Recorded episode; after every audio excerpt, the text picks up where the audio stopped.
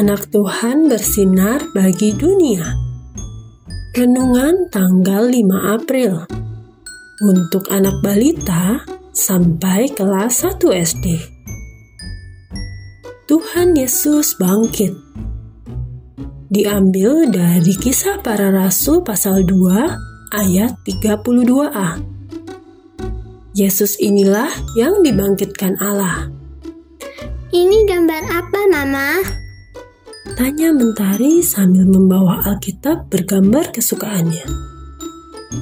Oh, ini kubur tempat Tuhan Yesus diletakkan.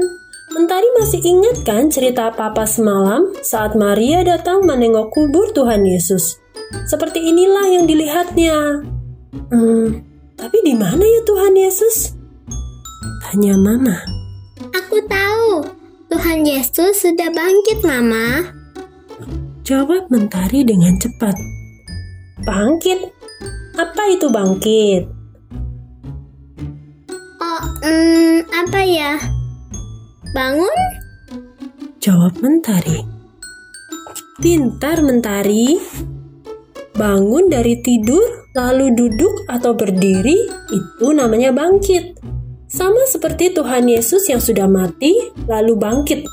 Buktinya, kubur kosong ini kata Mama. Maria percaya dengan perkataan malaikat ini. Apakah Mentari percaya juga seperti Maria? Tanya Mama. Yes, tentu saja.